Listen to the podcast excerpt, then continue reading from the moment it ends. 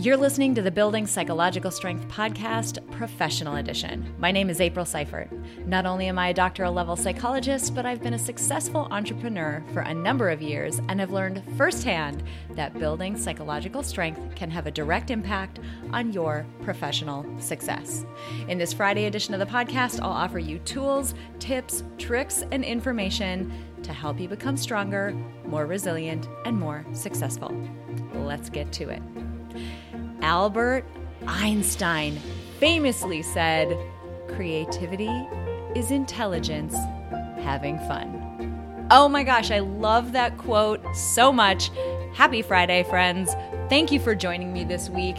Thanks for joining me for an awesome month. P.S. We are putting a pin in, I'm going to forecast it. I'm recording this episode ahead of time. I'm looking at my numbers this month. I'm going to forecast it. I'm calling it right now. The biggest month we've ever had on the podcast. Cheers. Oh my gosh. Pop the champagne. What a great month. Thank you so much if you joined me for even a single episode. Even if this is your first episode, hi. Thank you so much for being here. You have no idea what each and every download on this episode or on this podcast means and how happy I am as we close out this fabulous month. On that note, as today's quote mentioned, we're going to be talking about creativity today. And here's what's interesting when you talk to people, one thing that I hear more than anything else is, oh, I wish I could be more creative, or I'm just not a creative person. As though creativity is only predetermined as though creativity is about as changeable as your eye color. and what's interesting about it is that so many times we approach creativity in the wrong way. We think, oh gosh, I'm either creative or I'm not. And if I feel like I'm not, which, P.S., that's the way the majority of people feel, they feel like they aren't. And if I'm not, there's nothing that I can do about it. And that's just not true.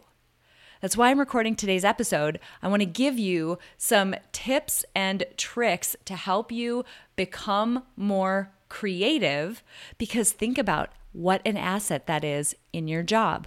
How many times do you have to come up with a new solution, solve a problem, identify uh, a need in your market and figure out the way that your company or product or service or department or role or team or whatever it is is going to help creativity comes into play in nearly every aspect of our careers. So, having a set of skills and abilities that help us foster creativity, spark creativity, and just be more creative is such a valuable thing to have. And not only that, much like everything else that we talk about on the podcast, the more you practice, the more you do these things, the better at it you get. You start you start to flex that muscle that just thinks in a different way. But you don't have to do it just out of nowhere on your own. So, like I said, I'm recording this episode to give you some ways to spark and foster creativity in yourself so that you can get started and you have a place to come back to when you need to develop a new solution, solution and be creative in your job. So, we're gonna dive right in. I'm gonna give you a laundry list of ways that you can spark creativity. And the first one that I'm gonna start with is something called anchoring. Now, in psychology, or psychologically speaking, anchoring is when we are presented a set of information and our mind sort of fixates on that information and only jumps off from the starting point of that that information we were given. So this comes into play a lot in pricing. Um, we tend to see. Um, you know, McDonald's does it with their small, medium, and large uh, French fries, right? The small is really tiny. The medium is much larger than that. The large is much larger than that for not that much more of a price, right? So the small one is like way too small. We don't want that. The medium one is getting close to the the size of amount of fries that we want, and we look at the price of that. We anchor on that medium sized price, and then we look at the large fry and we're like, "Oh, it's only like 15 cents more. Why don't I get that one?" because we're anchored on that medium sized price. This can come into play in creativity in a couple of ways. So, one, let's say that you're in a group brainstorm and uh, everybody's throwing out ideas, everybody's coming up with solutions and uh, trying to contribute to whatever problem is you're trying to solve or whatever thing you're trying to come up with, whatever it is. You might be the type of person who anchors really hard on other people's ideas. I'm this person. So, for example, when I'm working on a difficult problem at work or with a client or in a large group setting, I will anchor on what other people bring up. And it's really hard for me to think of ideas outside of the realm of what that other person just said. I anchor hard, and my mind, like the orbit that my mind is able to you know, take part in is really narrow and narrowly constrained on that it, that in, initial idea or that information that other person put out.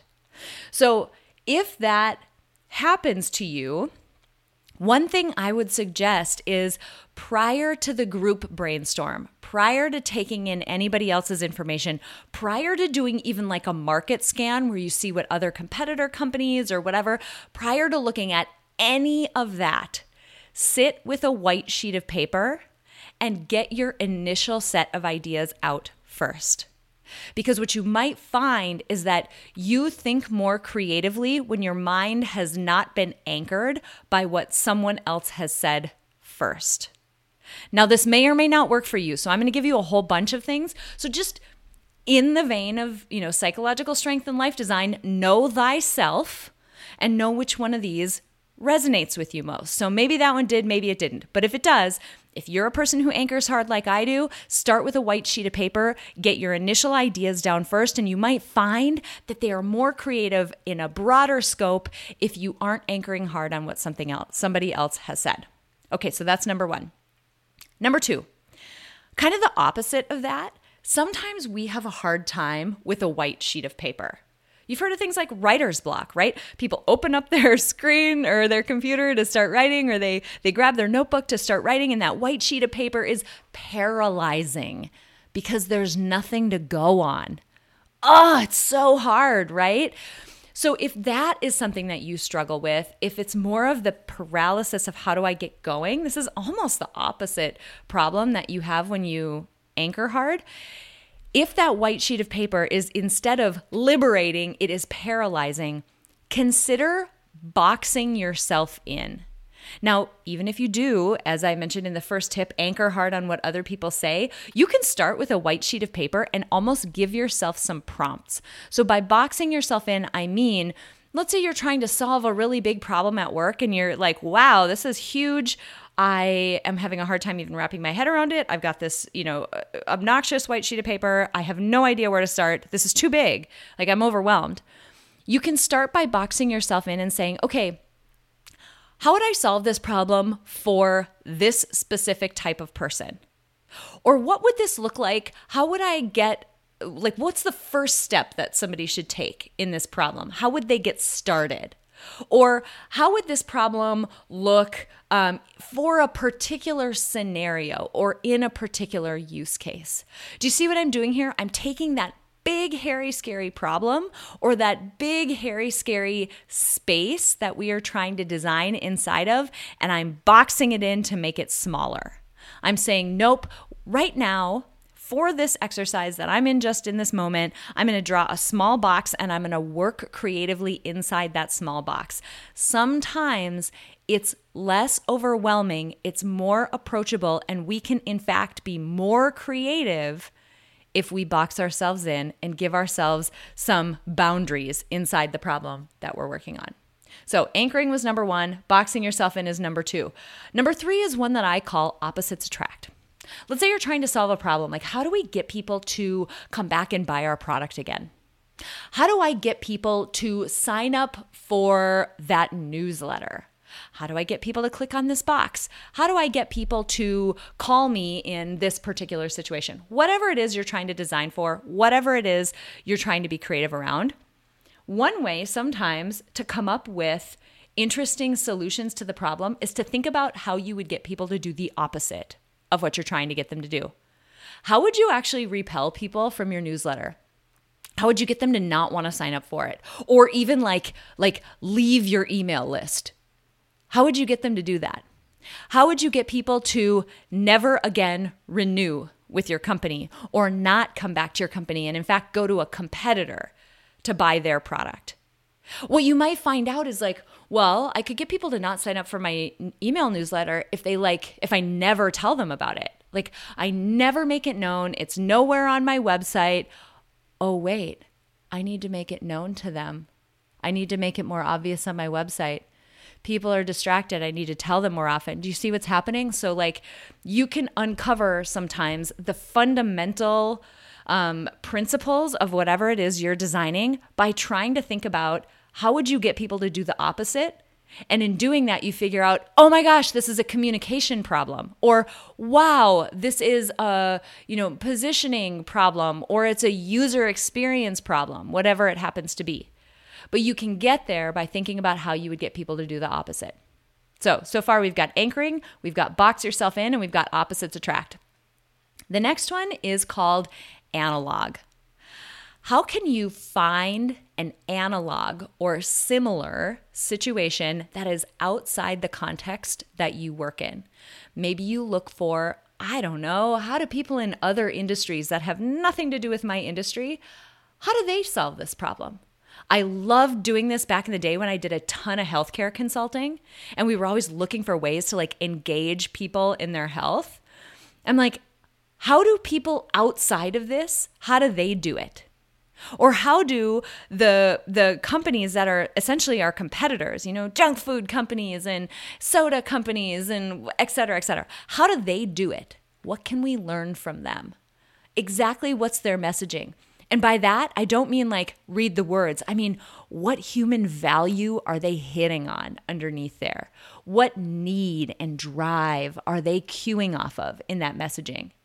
So find in this this notion of analog if you're using this idea it's take an example of a similar problem that you're working on or a similar situation and look at other industries, competitor companies, just completely outside. You can look at nature.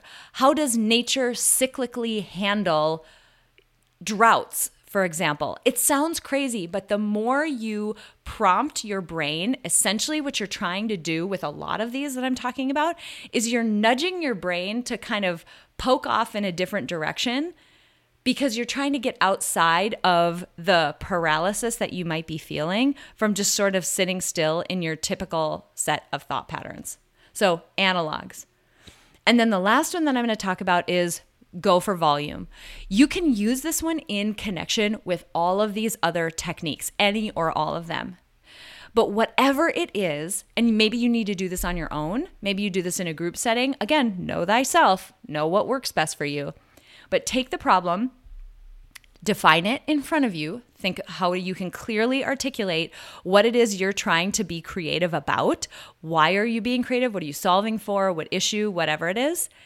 And then set a timer. Set a timer for 20 minutes and don't stop writing. Write down the dumbest ideas that come to mind. Write down the craziest things. You may do this in the form of a mind map where you start to create sort of a web of ideas that branches off one another and makes connections between ideas if that's how you think. The point is, you're going for volume because what you find is that you start to exhaust some of the initial ideas that come to mind, and your mind starts to search, like, oh my gosh, and it's grasping, grasping, grasping. And some really cool things can come of that. Sometimes your 40th idea is the one that ends up being the most creative. I'm going to give you an example of a time that I did this.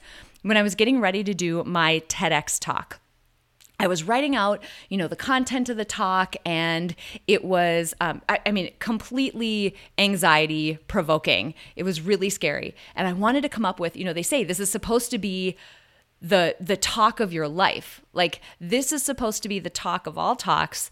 No pressure. Make this the best one you've ever you know ever given and ps it has to have a really great title because you want people to click on it and you want people to want to listen to it that was a tall order I was freaking out. But what got to be really cool is that I sat down on a plane and I'm like, okay, I have 20 minutes left in this flight. For the next 20 minutes, I'm going to sit down and I'm going to write down all the all the titles I can possibly think of. I'm just going to keep writing. And after that 20 minutes, I had a giant piece of paper of terrible titles and a few really creative ones. I started putting them together. I started experimenting with different options with those good ones. And I ultimately came up with the title of my talk, Mind Over Dark Matter. Dark matter is a cue toward, you know, dark matter in the universe, mind over matter, right? Using that traditional saying that we say, mind over dark matter, a guide to uncovering your true potential.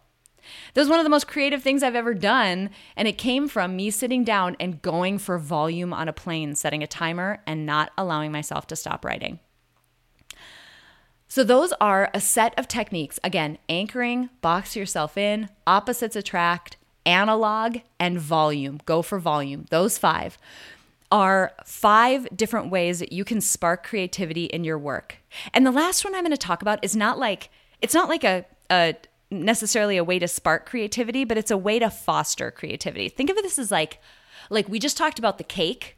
Now I want you to lay a nice layer of icing on it, or maybe some decorations on that cake. The icing slash decorations on the cake is spaciousness. Can you create a sense of psychological spaciousness to allow your mind to work?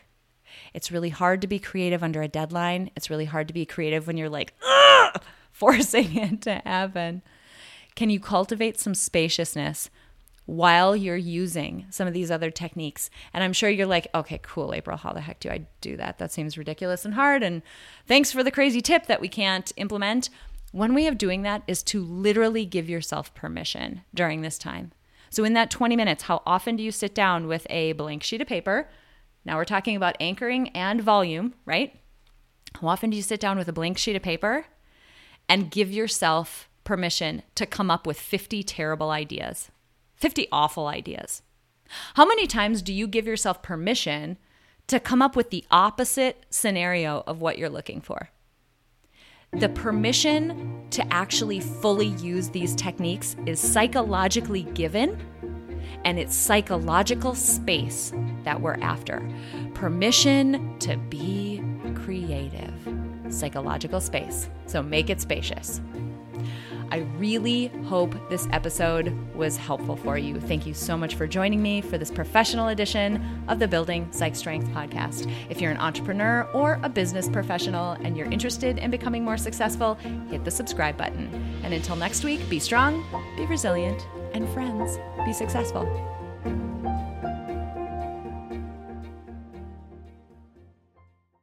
At Parker, our purpose is simple. We want to make the world a better place by working more efficiently, by using more sustainable practices, by developing better technologies. We keep moving forward. With each new idea, innovation, and partnership, we're one step closer to fulfilling our purpose every single day. To find out more, visit parker.com/purpose. Parker, engineering your success. As humans, we're naturally driven by the search for better. But when it comes to hiring, the best way to search for a candidate isn't to search at all. Don't search, match with Indeed. When I was looking to hire someone, it was so slow and overwhelming. I wish I had used Indeed. If you need to hire, you need Indeed. Indeed is your matching and hiring platform with over 350 million global monthly visitors, according to Indeed data, and a matching engine that helps you find quality candidates fast. Ditch the busy work. Use Indeed for scheduling, screening, and messaging so you can connect with candidates faster. And Indeed doesn't just help you hire faster. 93% of employers agree Indeed delivers the highest quality matches compared to other job sites, according to a recent Indeed survey. And listeners of this show will get a $75 sponsored job credit to get your jobs more visibility at Indeed.com slash podcast. That's Indeed.com slash podcast. Terms and conditions apply.